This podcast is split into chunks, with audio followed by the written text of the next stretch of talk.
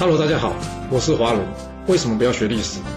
因为学历史会让你了解到顶层阶级的思考方式，成为他们的竞争者，所以他不希望你去学。还有学历史会让你看到许多前人成功及失败的案例，你的竞争对手想要好好的睡个觉，所以他也不希望你去学。最重要的是，学历史会让你了解人性，你的老板以及同事都希望你保持天真的心，所以他们更不希望你去学。就是因为这些原因，接下来我要跟你说的是故事，而不是历史。今天的主题是啊，搞清楚长官内心真正的想法，再找时间给建议。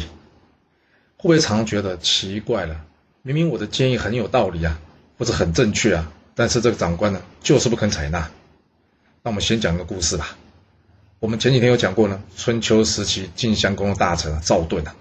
他呢，趁着晋襄公刚刚过世，就违反他的遗命，想改立别人当国君啊。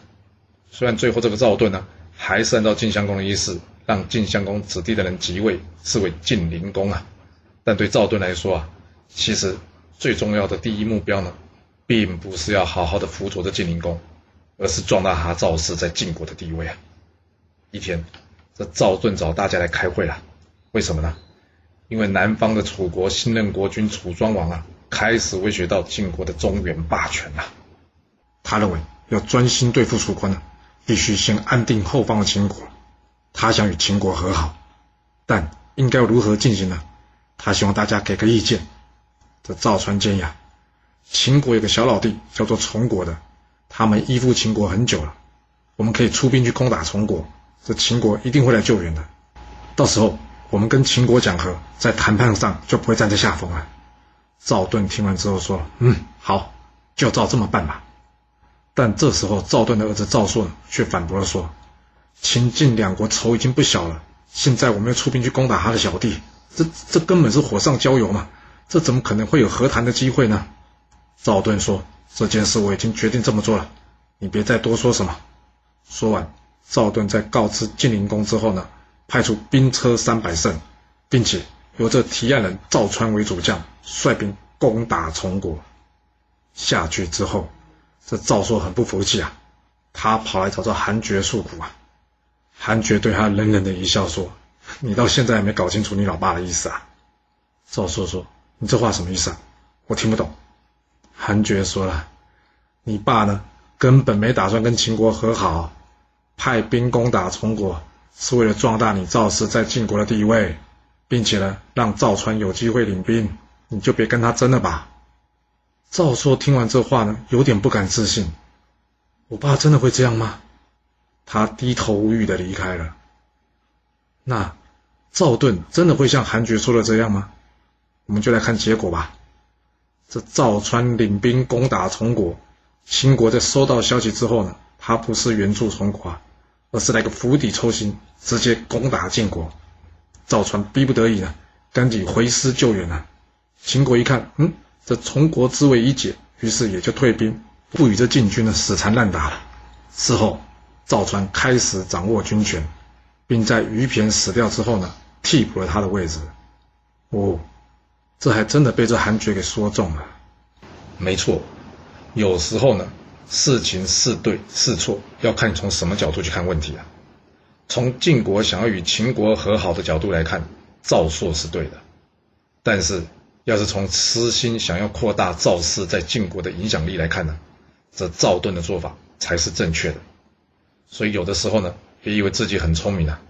你以为这么明显的错误，为什么别人会去犯错呢？这常常是因为啊，大家心里的目标并不一致所导致的。所以，下次啊。面对不合逻辑的事情呢，记得多想一下，千万不要一开始就认定对方没有你聪明。就拿我自身的经历来说吧，为了达成业绩，要是我们这个地区呢完成不了这季度的业务目标，通常做法呢，主管会请经销商啊帮忙进一些库存，以求表面上完成这业绩目标。但为了让经销商有意愿进货，我们就必须按照他们进货的数量给予深浅不同折扣。而这个做法的坏处是什么？下个季度呢，我们必须努力呢，先协助经销商消除这些库存。哎，你或许会问，这干我什么事啊？这货经销商都拿了，折扣也都给了，卖不掉干我什么事啊？这当然有事啊，因为要是哪个季度又达不成了，你说这个经销商还敢帮忙进货吗？所以一旦有库存啊，你会感觉啊，这经销商啊比你还轻松啊，每个人在那边老神在在的。那最有趣的是什么？当我们努力消除了所有库存，达成业务目标之后呢，主管们呢还是会按照往例，请经销商再吃一些库存。哎，这不对啊，业绩都达成了。为什么还要经销商吃库存呢？这经销商一旦吃了库存，不是会导致我们要给折扣，销货价格下降吗？但是客户市场上拿到的价格并没有下降啊，也就是说这些利润都到了经销商的口袋啊。结果出力出脑袋的是我们，但是换来的是虽然出货数量相同啊，而得到的业绩呢却比较低，这样做对吗？